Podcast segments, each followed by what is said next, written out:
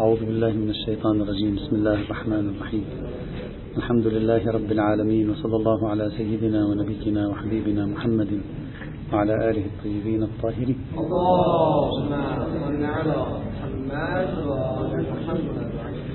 دليل الرابع من الأدلة التي تساق لإثبات شرط الإيمان والإسلام في المفتي ما ذكره السيد الخوئي رحمة الله تعالى عليه. محاولا أن يثبت وجود رادع عن السيرة بعد قبوله بقيام السيرة على رجوع الجاهل للعالم مطلقا بصرف النظر عن دين العالم. على خلاف السيد السيستاني الذي حاول أن يضرب في المقتضي نفسه وأن يشكك في وجود إطلاق في السيرة. بينما السيد الخوئي وافق على وجود إطلاق في السيرة ويريد أن يثبت وجود ردع عنها. حاصل ما ذكره السيد الخوئي قال المرتكز في أذهان المتشرعة وما هو مفاد ذوق ذوق الشارع هو أن الشريعة لا ترضى بتحويل الزعامة الدينية خلي سطر تحت كلمة الزعامة الدينية لشخص لا إيمان له لا عقل له لا عدالة له. سيد الخوي بهذا الدليل يريد يثبت هذا هو الدليل الأساس عنده لإثبات ثلاث شروط مع بعض في مرجع التقليد. كل الأدلة على هذه الشروط الثلاثة باطلة عنده. يقول لا يوجد دليل على شرط العدالة لا يوجد دليل على شرط العقل خاصة موضوع الإدواري يعني. لا يوجد دليل على شرط الإيمان في المرجع. يعني مثلا إذا كان إدواريا نعم نعم. إذا كان أدواري مثلا فهل يمكن تقليده في فترة يعني مثلا؟ يقول المستفاد آه، من الأدلة التي ذكروها أن أنها ضعيفة في إثبات هذه الشروط الثلاثة لكنني سأذكر دليلا واحدا للثلاثة معا. هو يذكر دليلا واحدا للثلاثة معا ويعتبر أن هذا الدليل قادر على أن يثبت ثلاث شروط دفعة واحدة لمرجع التقليد. ارتكاز المتشرعة ذوق الشارع أنه لا يرضى بتحويل الزعامة الدينية إلى من لا عقل له لا عدالة له ولا أو لا إيمان لا عقل أو لا إيمان أو لا عدالة ليس ثلاثة معا. أو أو أو. حتى نثبت ثلاث شروط. بل إنه لا يرضى بزعامة برأي سيد الخوئي بزعامة كل من عنده منقصة مسقطة له عن المكانة والوقار. كل شخص عنده منقصة مسقطة له عن المكانة والوقار هذا مرفوض. ليش؟ قال لأن المرجعية الدينية أعلى منصب بعد الإمامة. أعلى منصب زعامة بعد الإمامة فكيف يعقل أن هذه الشريعة يمكن أن تكون قد رضيت بمثل ذلك؟ من ذوق الشارع نعرف أنه لا يمكن أن يكون رضي بشيء من هذا القبيل. زعيم الطائفة يكون مجنون إدواري. زعيم الطائفة يكون غير عادل. هذا شيء غير معقول يعني. هذا نلمسه بوجداننا المتشرع ونراه من مذاق الشارع. كيف يمكن أن يرضى بذلك؟ ويستخدم, ويستخدم لتقريب الفكرة مثالا. يستخدم السيد الخوئي لتقريب الفكرة مثالا حتى تقع الفكرة في يعني في موقعها من قلوب المتلقين. فيقول كيف يرضى الشارع الحكيم أن يتصدى لمثلها أي لمثل هذه الزعامة؟ من لا قيمة له لدى العقلاء والشيعة المراجعين إليه. هو هذا الكافر ما هو هذا السني. لا قيمة له عند السائل الذي يأتي يسأله. يعني غير معقول يعني كأنما ما مصدق سيد الخوي كذا. فيقول وهل يحتمل أن يرجعهم إلى رجل يرقص في المقاهي والأسواق أو يضرب بالطنبور في المجامع والمعاهد ويرتكب ما يرتكبه من الأفعال المنكرة والقبائح أو من لا يتدين بدين الأئمة الكرام ويذهب إلى مذاهب باطلة عند الشيعة المراجعين إليه؟ هذا غير معقول. إذا لب لباب دليل السيد الخوئي الذي على أساسه يطرح ثلاث شروط دفعة واحدة هو الارتكاز المتشرع بهذه الصياغة التي قدمها وأن هذا مفاد ذوق الشارع. وبالتالي لا يمكن لنا أن نصدق أن الشارع يحيلنا على فقيه سني أو يحيلنا على فقيه مجنون أدواري أو يحيلنا على فقيه غير عادل. هذه حاصل استدلال السيد الخوئي في هذا المقام. بل يرى السيد الخوئي أن أن الإجماع الذي ادعاه الشيخ الأنصار ربما لا يكون مرجعه إلا هذا يعني ليس إجماع تعبدي لكن ال ال الشيء هو هذا الارتكاز المتشرعي. الشيء هو هذا الذوق ذوق الشارع فيما نعرفه من الشارع وتشريعاته. الميرزا جواد التبريزي رحمة الله تعالى عليه أعاد صياغة آه، ما طرحه السيد الخوئي مجريا تعديلا بسيطا في العبارة. فماذا قال؟ لاحظوا معي قال إن المرجعية في الفتاوى منصب يتلو منصب الإمامة وغير المؤمن لا يصلح لذلك فإن تصديه لهذا المنصب وهن. يضيف هذه الفكرة. يأخذ نفس فكرة السيد الخوئي لكن يضيف يقول إذا تصدى شخص سني لمنصب المرجع الأعلى للطائفة الشيعية هذا وهن للتشيع. ليش وهن للتشيع؟ يقول حيث يوهم الناس بطلان المذهب. كيف؟ هذا أعلم العلماء في مذهبكم لا يؤمن بمذهبكم هذا يوقع الوهن للطائفة. شو هذه الطائفة دي؟ أعلم واحد فيها هو ليس مؤمن بها. أعلم شخص في هذه الطائفة في الفقه هو لا يؤمن بهذه الطائفة. فأي ضعف ووهن؟ مثل هذا. فلذلك يقول فإن تصديه لهذا المنصب وهن حيث يوهم الناس بطلان المذهب حيث يلقي فيهم أنه لو كان مذهبهم حقا لما عدل عنه. لو كان حقا مذهبكم أنا أعلم الناس بمذهبكم ولا أؤمن به. هذا تقريب الذي يطرح في هذا المقام. سأناقش هذا التقريب بصرف النظر عن فكرة العدالة وفكرة العقل. نحن لن نبحث الآن لا فكرة العدالة لا فكرة العقل. سنناقش هذا التقريب بعينه في فكرتنا نحن اشتراط الإيمان والإسلام في مرجع التقليد. هذا الدليل كما رأينا يوظف الارتكاز ويوظف الذوق ذوق الشارع ويبني كل الفكرة على مفهوم مهم جدا وهو أن المرجعية في الفتية زعامة. هذا هذا هو أصلا الحجر الزاوية في هذا الاستدلال هو أن مرجعية الفتية يعني المفتي زعيم. وهذا هو الذي يرفضه بعض الفقهاء وعلى رأسهم السيد السيستاني. السيد السيستاني يرفض بشدة أن تكون مرجعية الفتية زعامة. يقول أصلا ليس, ليس لها من الزعامة شيء. مرجعية الفتية واحد يرجع لواحد يسأله عن مسألة. مثلا أنت تروح عند الطبيب تسأله عن المسألة. زعامة ماذا؟ لا يوجد زعامة. زعامة بمعنى السلطنة والكذا وأن الطائفة تحت يده وتحت سلطانه وأن بيده قرارها. يقول لا مرجعية الفتية ليس لها كذا. ما يقبل بهذه الفكرة. باختصار يتكلم عن هذا الموضوع. طيب لكي أشرح فكرتي المتحدة هذه المرة مع فكرة السيد السيستاني بالأمس ناقشنا السيد السيستاني الآن مع السيد السيستاني آه، في مقابل طرح السيد الخوئي. لكي أشرح هذه الفكرة اللي هي مفهوم قضية الزعامة منتصرا لما طرحه باختصار السيد السيستاني أقول في الحقيقة لما الآن تصوروا معي حاول أن نفكك شوية هي الفرضية البحث ثقيلة نفسيا أنا أعرف ذلك. لأننا ليست ظروفها الموضوعية مهيئة الآن. ولا نعرف شخصا نثق به يمكن أن يكون مرجعا. مثلا للطائفة لا يكون شيعيا أو لا يكون مسلما. ذلك تصور الفكرة شوي صعب في مثل ظروفنا الحالية. ما الذي حصل مع السيد الخوئي في ظني؟ وأعتقد أنه في ظن السيد السيستاني ذلك. أن السيد الخوئي أخذ مرجعية الإفتاء وأخذ الصلاحيات التي ثبتت لمرجع الإفتاء. ثم دمجها دفعة واحدة تشكل مفهوم الزعامة الدينية. في حين نحن لا نتكلم عن مرجع الإفتاء الذي يملك الصلاحيات الأخرى. نحن نتكلم فقط عن الرجوع إليه في الفتوى. بمعنى ما الذي حصل؟ حصل أن فلانا مرجع في الفتية. طيب مرجع في الفتية. تمام. المرجع في الفتية دل الدليل على أنه ولي الأخماس. ثبتت له سلطة. دل الدليل على أنه ولي على الولي على القاصرين. ثبتت له سلطة. ثبت له أنه ولي أموال الغائب سلطة إضافية. الولي على إقامة الحدود والعقوبات في عصر الغيبة ثبت له سلطة. على بعض الآراء أيضا.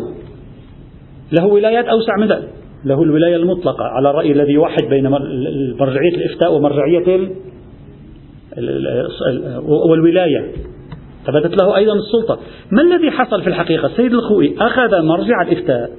فأنت حتى أنا في رأيي كلمة مرجع لازم نحذفها الآن. حتى لا تسوي لنا التباسات لأنه دائما كلمة مرجع يعني ستوحي لك في واحد جالس في النجف أو في قم وله هذه السلطة المطلقة على الأموال وعلى آه، وله سلطة القضاء أيضا وله سلطة نصب الوكلاء وله سلطة إدارة الأمور ويستطيع أن يتدخل في الأمور السياسية في بعض الأحيان تصحيحا أو حتى ولاية على اختلاف المباني بين الفقهاء. هذه بأجمعها نعم هي زعامة دينية. لأن هذا الرجل بيده قرار هذه الطائفة. لكن هذه الزعامة الدينية لا تساوي الإفتاء هذه ثبتت بأدلة في حق من له الإفتاء. هكذا حصل. والدليل والدليل أنك تجد الفقهاء مختلفين. الذي له منصب الإفتاء هل له منصب الولاية العامة أو لا؟ بعضهم قال نعم بعضهم قال لا. وتجد الفقهاء مختلفين أن الذي له منصب الإفتاء هل له منصب إجراء الحدود في عصر الغيبة أو لا؟ بعضهم قال نعم بعضهم قال لا. وتجد أن من له منصب الإفتاء طبعا خاصة قبل 200 سنة فقديما الآن لا. هذا الخلاف الآن غير موجود. قبل 200 سنة فسابقا. الذي له منصب الإفتاء هل له ولاية على الأخماس والزكوات أو لا؟ تجد أيضا خلاف. بعضهم يقول له ولاية بعضهم يقول ليس له ولاية وهكذا. أنت في الحقيقة الإفتاء هو سلطته مجرد رجوع شخص يسأله عن ماذا يقول الدين الإسلامي. لكن لأن الأدلة دلت على أن من له هذه من له هذه السمة أي قدرة الإفتاء ثبتت له سلطات تحول من له قدرة الإفتاء إلى سلطة وزعامة. لا أن الإفتاء بحد نفسه ومرجعيته في الإفتاء هي هي زعامة الطائفة تالية والإمامة. لا. الأشياء ليست بذلك. أنت الآن الصورة مندمجة في ذهنك تماما. أنت مش قادر تفككها مندمجة تماما في ذهنك. والدليل الآن إذا رجعنا إلى الطبيب هل في يعني سلطة؟ الطبيب يقول لك هذا هو رأيي. له يملك سلطة عليك؟ لا يملك أي سلطة عليك. إذا رجعت إلى خبير في شؤون أعطال السيارات قلت له أنا عندي عطل في السيارة فماذا أفعل؟ يملك سلطة عليك؟ لا يملك سلطة عليك. لا سلطة دينية ولا غير دينية. هو لا يملك أي سلطة. هو مجرد يعطيك وجهة نظر يقول أنا هذا هذا رأيي. انتهينا. لا لا لا لا. أنت أنت ترى القياس مع الفارق لأنك ربطت تماما بين خاصية الإفتاء وبين تمام السلطات الممنوحة له. تصور معي شخص أرجع إليه في الفتية فتية ولا يملك أي سلطة. لا سلطة قضاء ولا ولاية أمر ولا أموال ولا سلطة على الشيعة ولا أي شيء. تجربة تجربة ستأتي التجربة ستأتي الدليل التجريبي سيأتي. سيأتي الدليل نحن نتكلم في خارج التجربة. لذلك قلت في البداية نحن لا نتكلم في التاريخ. نحن نتكلم في المستقبل لأن موضوع هذا الطرح ليس له وجود الآن. موضوع هذا الطرح أصلا اليوم ليس له وجود بل لا يمكنني تصوره أنت لا تكلمني في التاريخ في التاريخ لا يمكن. لأن في التاريخ طبيعة الوضع التاريخي غير متصورة. أنا الآن أتكلم ذهنيا. الآن حللوا معي. أنا أتكلم ذهنيا. دليلك هو السيرة العقلائية سيدنا الخوئي. نعم. السر العقلائي يمنح الذي أرجع إليه سلطة. لا يمنحه سلطة. يمنحه سلطة معرفية. يعني يقول لي هذا رأيي. لا يعطي أي سلطة. بدليل إضافي أنت أثبتت له سلطة القضاء. بدليل إضافي أثبتت له ولاية الأمر. بدليل إضافي أثبتت له أنه له سلطة على الأخماس والزكوات. بدليل إضافي أثبتت له الولاية على القاصرين وأموال الغائبين وأنه ميراث من لا وارث له. فهذا له دليل إضافي. لولا أن يثبت هذا الدليل الإضافي وليس له سلطة. قل بدون جميع هذه السلطات أرجع إليه فقط. هل عندك دليل؟ لا عندي دليل. إذا هذا دمج بين السلطات. ثم تصوير مرجعية الإفتاء مساوية مساوقة متحدة مع مفهوم الزعامة الدينية. الأمر ليس كذا. وهذا هو الذي يريد السيد الثاني. يقول لا يوجد مفهوم من هذا القبيل. وهذا هو بناء العقلاء عندما يرجع الجاهل العالم. ليس سلطة. رجوع الجاهل إلى العالم غير رجوع المتنازعين إلى القاضي. القاضي يملك سلطة. رجوع الجاهل إلى العالم غير رجوع الأفراد إلى الشرطة وإلى وزارة الداخلية وإلى رئيس الجمهورية. ذاك يملك سلطة. هذا لا يملك سلطة. هذا يعطيك وجهة نظر. موجودة في كتاب. الآن الآن سنصل إليهم جميعا. الآن سنتكلم. إذا هذه الصورة في الحقيقة ليست هي صورة مرجعية الإفتاء. يعني أنا سأبذل جهد لكي لكي نصور التفكيك. أنا مضطر الآن أن أبذل جهد لكي أصور لكم التفكيك حتى نستطيع أن نفكر في أن مرجعية الإفتاء ما معناها مرجعية الإفتاء؟ يعني شخص كتب كتاب وذهب إلى بيته. هذا معناها الأد فقط. لا يوجد تبعية. يوجد أن هذا الكتاب أعمل به. هذا الكتاب أعمل به. أما هل له سلطة أن يتدخل في شرق المنطقة الفلانية وغرب المنطقة الفلانية ويصدر توجيهات آه، لها لها نوع من النفوذ الاجتماعي على الشيعة في مكان؟ هذا خارج سلطة الإفتاء.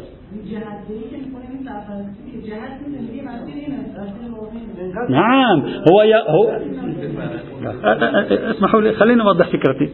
لا سأوضح الفكرة بعد. الآن جاي جايكم في الطريق. وعليه فإذا قلنا بأن شرط الإسلام أو شرط الإيمان ثابت في الولايات بمقتضى دليل السيد الخوئي الذي عبر عنه آه، آه، بموضوع الزعامة الدينية فلنسلب عنه جميع الولايات.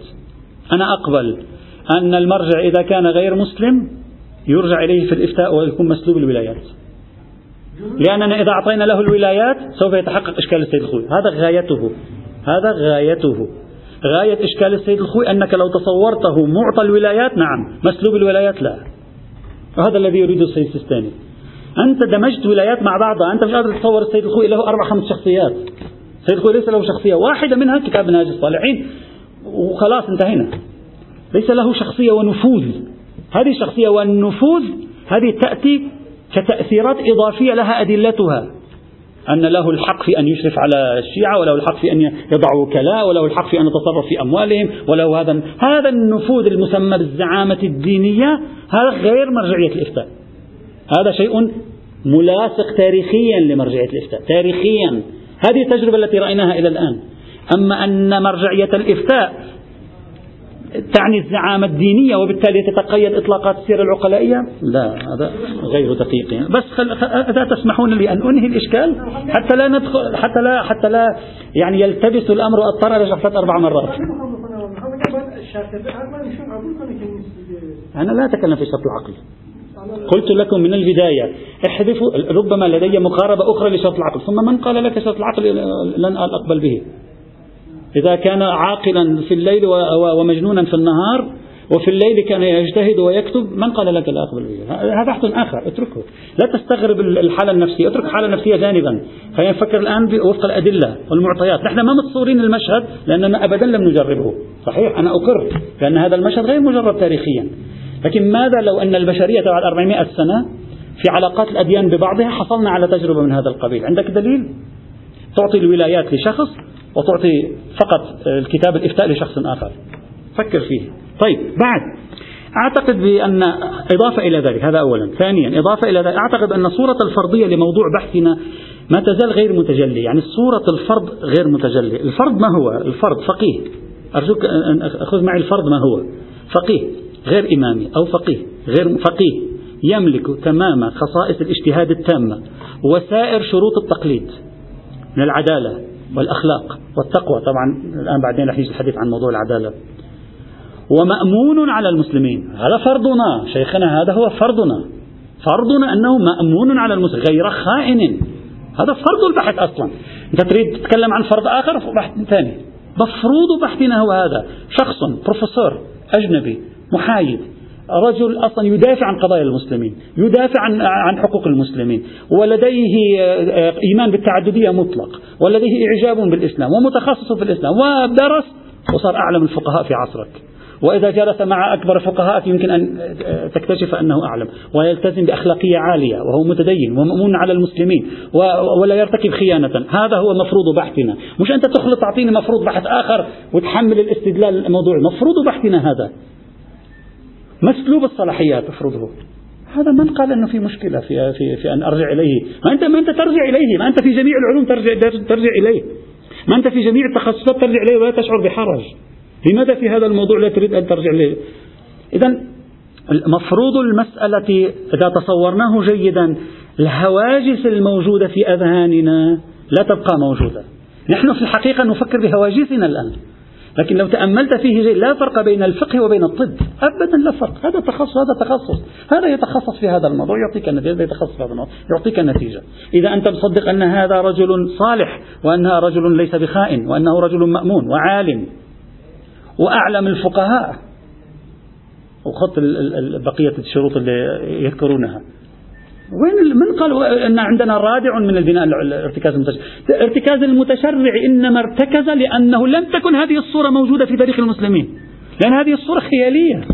لذلك ارتكز عندنا هذا الارتكاز المتشرع وإلا لو هيأت المتشرع لفرضية من هذا النوع وتقبلوا أن يكون هناك شخص من هذا النوع أول الكلام في ارتكاز متشرع أنت مش قادر تتصور ارتكاز متشرع لأنك لا تستطيع أن تصدق وجود شخصية من هذا القبيل هذا مفروض الاستدلال في هذا الموضوع.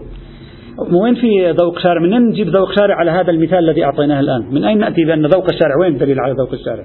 ليش كان الشارع في تلك الأيام موجود هذا الابتلاء حتى يتكلم فيه؟ ليش في إشارة إلى فرضية من هذا القبيل؟ قضية ليست محل ابتلاء إطلاقا. مسكوت عنها تماما. لأنها ليست في متداول حياة الأديان آه، في تلك الأيام وحياة المذاهب في تلك الأيام.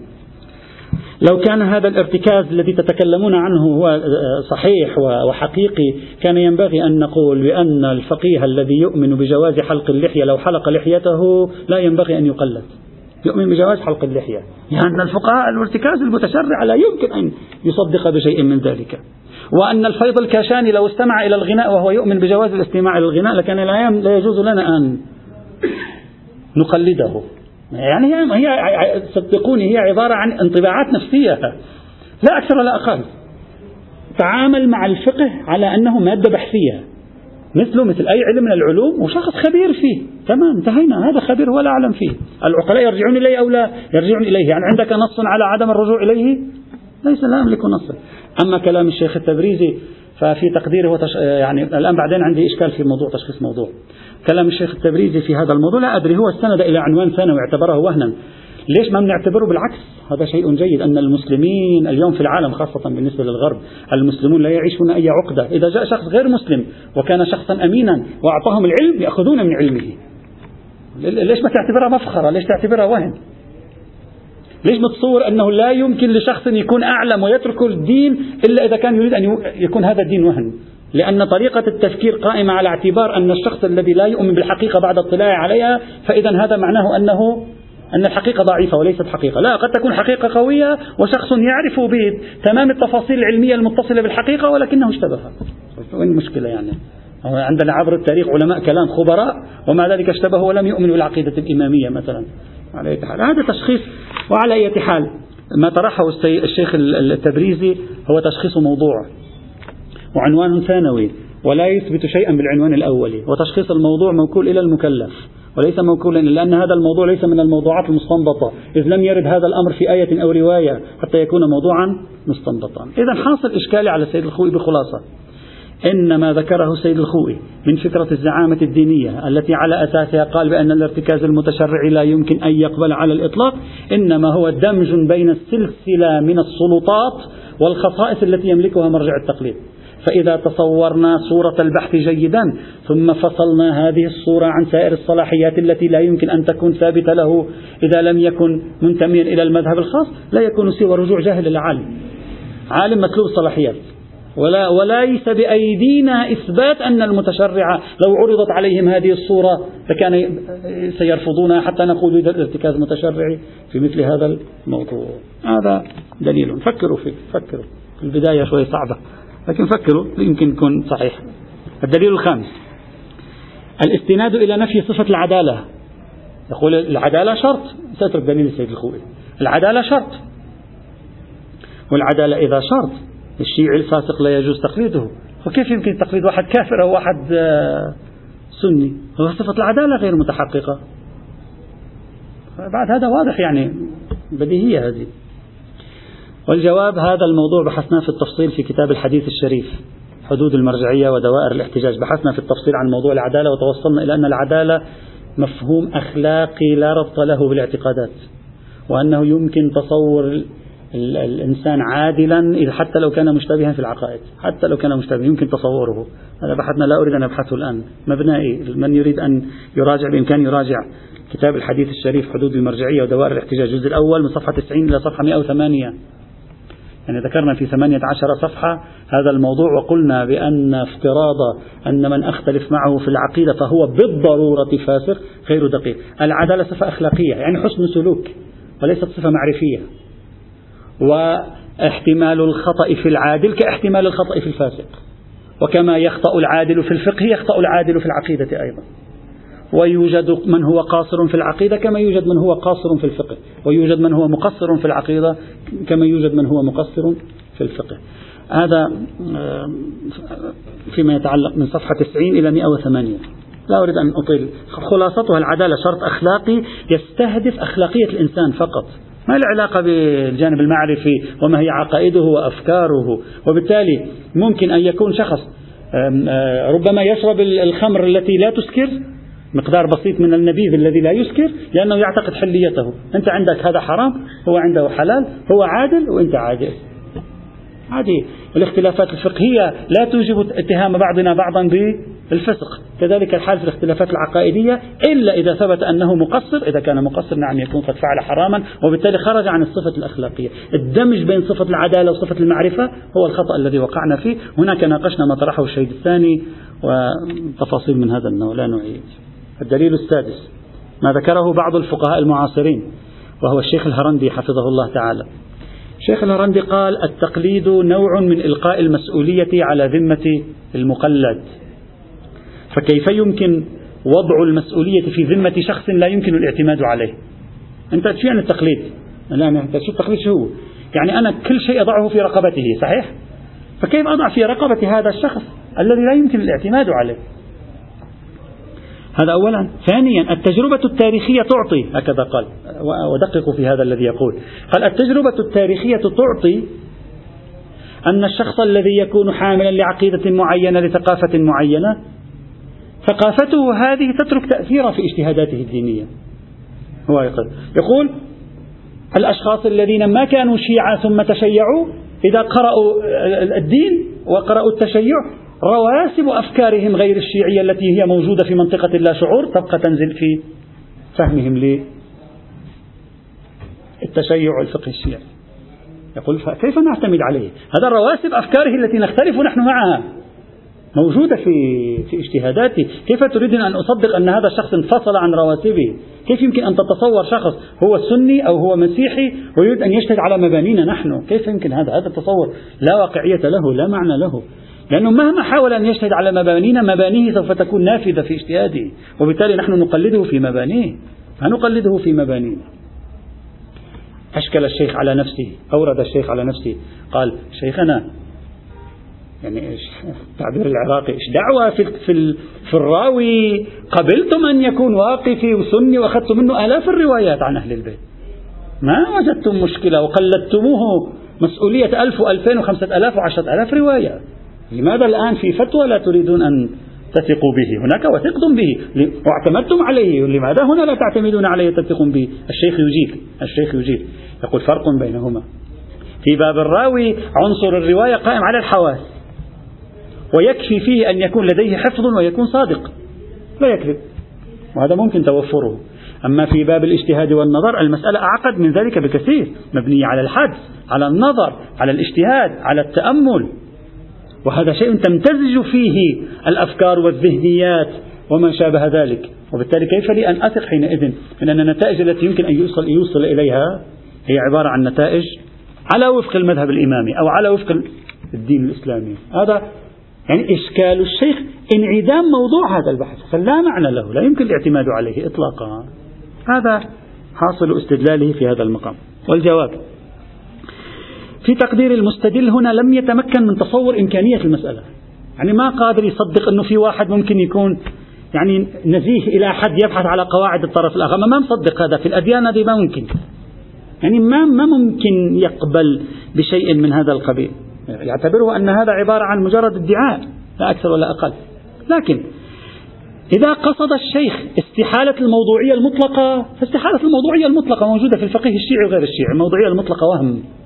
أثبتت كل الدراسات النفسية والدراسات العلم الاجتماعية والدراسات علم المعرفة على أن الموضوعية المطلقة في البحث هي وهم. تتأثر بأسرتك وتتأثر بطفولتك وتتأثر بالمكان الذي تربيت فيه وظروفك وحالتك المادية وإلى آخره. تتأثر بشكل ما بنحو العلم الإجمالي. إذا يقصد الموضوعية المطلقة لا يوجد موضوعية مطلقة إلا للمعصومين عليهم السلام. وأما إذا يقصد الموضوعية النسبية فلماذا لا يمكن فرض الموضوعية النسبية في مورد فرضه؟ فرضه لا وجوده. أرجوك فرضه. لا نتكلم عن وجوده الآن. لماذا لا يمكن فعل ذلك؟ وين المشكلة في هذا الموضوع؟ بل أنا أريد أن أقول له أكثر من ذلك. كونه شيعي ممكن أن أن يكون ذلك دليلا على عدم موضوعيته. ألم نرى شخصا لأنه شيعي يتأول النصوص؟ ألم نرى شخصا لأنه شيعي يحاول أن أن يتعامل مع النصوص بطريقة تأويلية يلوي عنق الحقيقة والنصوص في بعض الموارد تجد ذلك لماذا؟ لأن عقيدته تفرض عليه أن يفعل ذلك وأحيانا يحاول أن يخرج فهما للنصوص غريب عجيب الآن الفقهاء المتأخرون عندما ينظرون إلى كتاب الاستبصار للشيخ الطوسي كيف ينظرون إليه؟ ينظرون إليه بنوع من الهوان وال يعني من الدرجة الرابعة. لماذا؟ لأن الشيخ الطوسي كل جموعه التي قيل بأنها عرفية تبين أنها جموع تبرعية في الأعم الأغلب. لماذا؟ لأنه انطلق كما جاء في المقدمة من منطلق عقائدي يقول إننا قد اتهمنا بأن أهل البيت نصوصهم متعارضة وبالتالي هم مفتون وليسوا بأئمة وعلينا أن نفك هذا التعارض لأن بعض الشيعة تركوا التشيع بسبب التعارض. هذا فقيه شيعي إمام من الطراز الأول الذي لا يشك فيه ولا يشق له غبار. ولاحظ أنت كيف أن منطلقه العقدي أدى به إلى جموع انكشف بعد مرور مئات من السنين وتطور البحث الفقهي عند الشيعة أنها جموع تعبانة كلها.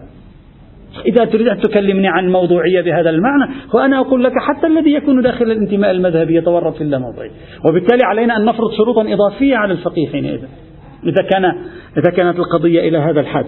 بل ينبغي الأصولي لا يقلد إخباري والإخباري هم لا يقلد أصولي. كل واحد على مبنى أيضا. إذا أردنا أن نذهب أكثر من ذلك. بل شيوع ظاهرة النقل بالمعنى في الحديث ألا تجعل الراوي ينقل ما فهمه؟ ألا يمكن إذا كان الراوي سنيا أو غير شيعي إمامي اثني عشري يكون فهمه هذا ناقصا بسبب ثقافته؟ وأن يصب فهمه بواسطة نظام لغوي متأثر أيضا بخلفياته ولا شعوره؟ وهذا ممكن أيضا. كيف وثقنا حينئذ بالرواية؟ وكثير من المرويات منقولة بالمعنى. وأي تمييز بين ما نحن فيه وبين تلك القضية؟ غير واضح غير واضح لي. بل لو سلمنا بكلام سماحته يلزم أن نقول يشترط في المرجع أن يكون شيعيا بالولادة. هو على المثال الذي قاله. يجب أن يكون شيعيا بالولادة إذا كان مستبصرا ما يصير, يصير شيعي لأنه ممكن أن تكون لديه أيضا رواسب. ويلزم أن نقول يشترط فيه أن لا يكون قد درس في المدارس السنية فالشهيد الأول والشهيد الثاني في إشكال في آه، تقليدهم لأن الشهيد الأول تلمذ عند أربعين شيخ سني والشهيد الثاني تلمذ عند 19 شيخ سني. وعلم الحلم أيضا على نفس يعني ماذا ما ماذا نريد من هذا الكلام؟ نريد أن نصور القضية موضوعية مطلقة هذا مستحيل في جميع الناس. نريد أن نكون مخلصين لهذه المقاربة السيكولوجية النفسية التي قدمها لنا الشيخ. ينبغي أن ندخل في شروط إضافية. وبالتالي تتعقد القضية حينئذ. من الصعب أن ألتزم حينئذ بشيء من هذا القبيل. أنا أفرض أن شخصا مثلا لا يؤمن بمشروع الدولة الإسلامية إطلاقا ويقول هذا محرم. لا يجوز له أن يقلد من يؤمن بالدولة حتى لو كان أعلم الفقهاء لأن إيمانه بمشروع الدولة الإسلامية بالتأكيد سوف يترك تأثيرا على فهمه الفقهي. كما أن الإمام الخميني إيمانه بالمشروع الإسلامي السياسي ترك تأثيرا على فهمه للخمس. واعتبر الخمس على أنه منظومة اقتصادية من شأنها إدارة وضع دولة بينما السيد الخوئي فهم الخمس على أنه ملك شخصي للنبي يعني 10% من أموال المسلمين تطلع شي مليار دولار يأخذ النبي له ملك شخصي لا الفقراء لهم علاقة فيها ولا غير الفقراء. هذا فهم وإذا على على القائل بالإيمان بالحركة السياسية الإسلامية أن يقول يشترط في المرجع أن يكون مؤمنا بهذا التوجه لأنه إن لم يؤمن بهذا التوجه آثار تفكيره سوف تتأثر بها الفتاوى وبالتالي هذا سيؤدي إلى تأثير رواسب تفكيره والخروج باستنتاجات خاطئة أنا أعتقد هذه المقاربة يعني فيها نوع من المبالغة بعض الشيء في افتراض أن الموضوعية غير غير متحققة بالمطلق. إضافة إلى ذلك يضاف إلى ذلك. حتى لو فرضنا مرجع كثيرا ما يقرأ كتب المذاهب الأخرى والفلسفات الأخرى هم لازم يسوي مشكلة؟ لأن بالتأكيد الإنسان يتأثر في النهاية. بالتأكيد يتأثر. هذا الذي يدمن قراءة الفلسفات والأفكار والأديان والمذاهب الأخرى ويقرأ كتب القانون وغيرها أيضا سيتأثر. وبالتالي علينا أن نضع علامة استفهام. أنا خلاصة إشكال إذا أردنا الإخلاص لهذا النمط من الأدلة علينا أن نذهب بعيدا. في سلسلة وقائمة من الشروط التي لا أظن أن المستدل يقبل بها.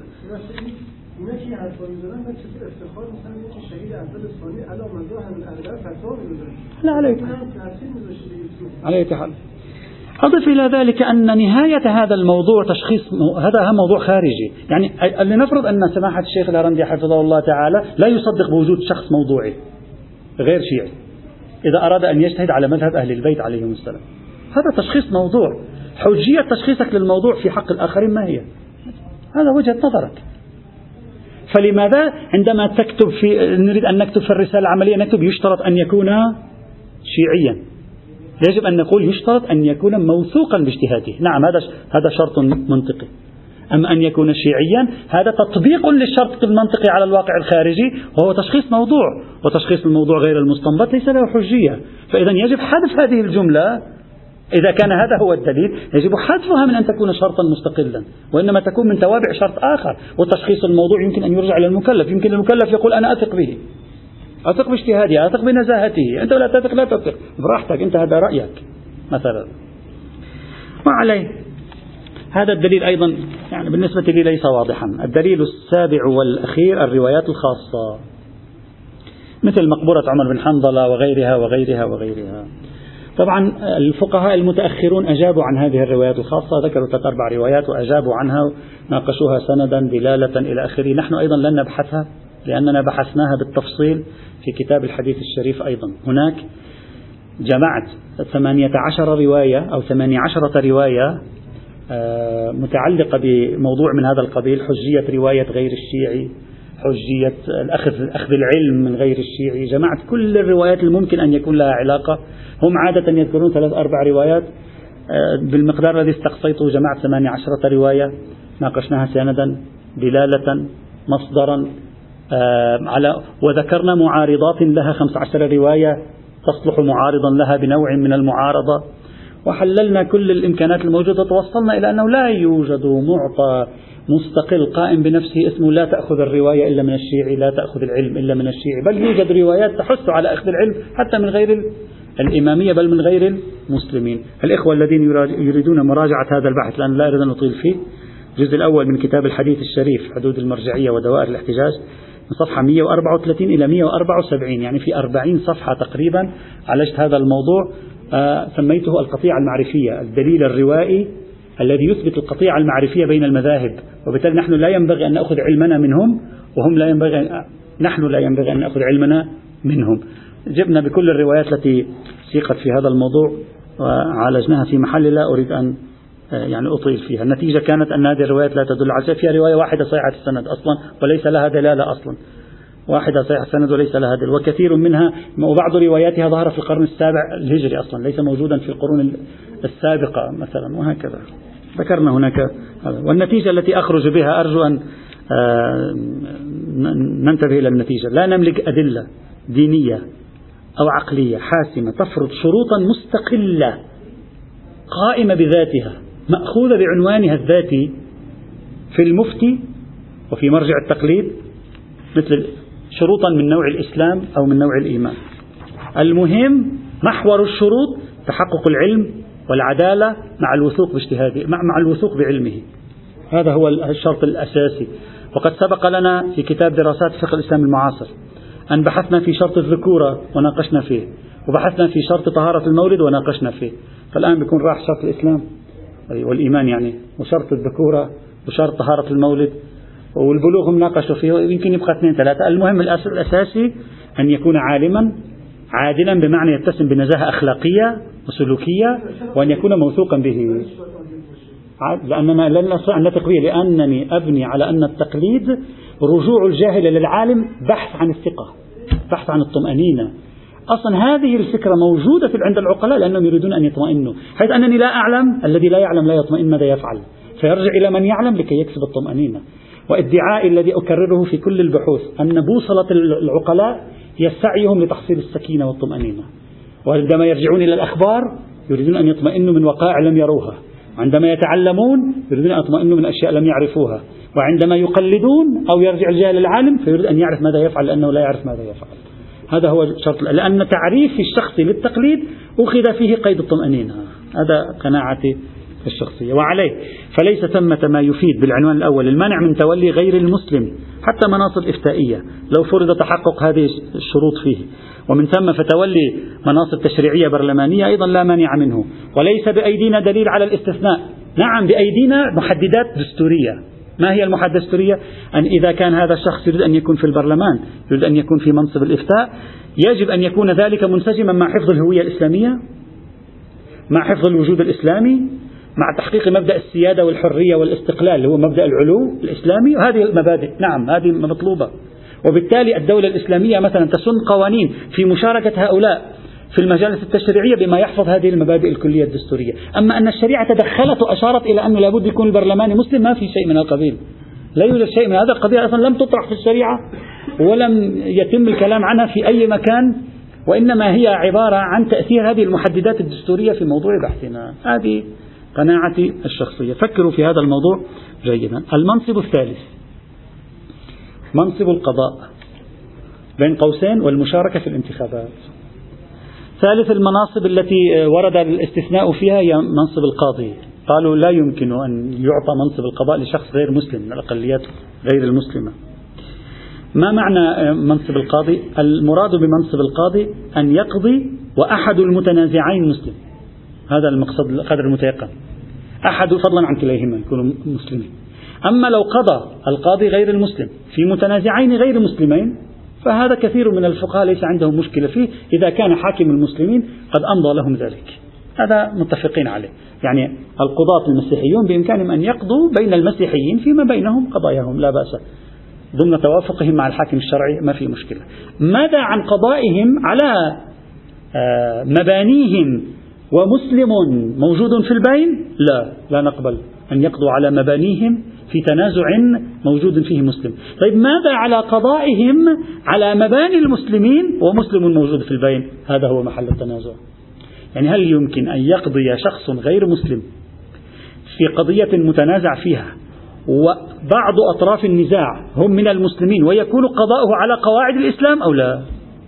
هذا هو محل التنازع. أما لو كان قضاؤه على غير قواعد الإسلام فلا يحق له أن يقضي على المسلمين بقواعده. أما لو كان قضاؤه على غير قواعد الإسلام وكان المتنازعان من غير المسلمين فهذا كثير من الفقهاء لا يرون حرجا فيه إطلاقا. هذا ما مشكلة. إذا تحددت ثلاث صور محل التنازع أين هو قد يطرح في بعض الأوساط اليوم أننا نسري باب القضاء إلى باب إلى مثل أبواب الانتخابات. على أساس أن الانتخابات في الحقيقة هي نوع من التنازع بين المسلمين. وعندما يعطي رأيه فهو يقضي. يعني عندما يعطي رأيه فهو يحكم. وبالتالي ممكن أن يكون رأيه هذا يؤثر في قضية متنازع عليها بين المسلمين في من يتولى أمورهم في القضية الفلانية في البرلمان في رئاسة الحكومة في رئاسة الوزراء إلى آخره. فأريد تسرية باب القضاء إلى بحث ما يشبه بحث الانتخابات. وهذا أمر ليس بالغريب. بعضهم فعل ذلك في باب المرأة أيضا. قال المرأة ليس لها أن تشارك في الانتخابات. لماذا؟ قالوا لأن الانتخابات نوع حكم والمرأة مسلوب عنها الحكم. لماذا؟ لأن القضية عندما تشارك في الانتخابات أشبه بالتنازع بين الجماعات المسلمة وبالتالي كأنها تقضي حينئذ فلا يجوز لها أن تشارك في هذا الموضوع. السؤال الذي يطرح نفسه هنا هل يمكن أن يمنح منصب القضاء في مجتمع المسلمين لشخص غير مسلم يقضي على مذاهب المسلمين ويتصف بشروط القاضي غير شرط الإسلام والإيمان ومتصف بشروط القاضي غير هذا الشرط فقط. هل هذا ممكن؟ هل هذا مقبول أو لا؟ حتى بعضهم استشهد قال مثلا في تاريخ المسلمين لم نجد نحن شيئا أن الخليفة شارك في انتخابه غير مسلم. على طول تاريخ المسلمين لم يشارك في أي يوم من الأيام أحد غير مسلم في انتخاب الخليفة. وهذا يؤكد أن المسلمين مرتكز في ذهنهم أن المناصب الحكومية لا يمكن أن يشارك في الانتخاب فيها شخص غير مسلم. إذا سنبحث في البداية في موضوع الانتخاب باعتباره هو الذي يعنينا أكثر ثم ثم نرجع إلى موضوع القضاء. بقي عندنا هذا وموضوع ولاية الأمر والظاهر أخاف ننتهي ويحكمنا المسيحيين. أنا شايف هكذا. الحمد لله رب العالمين.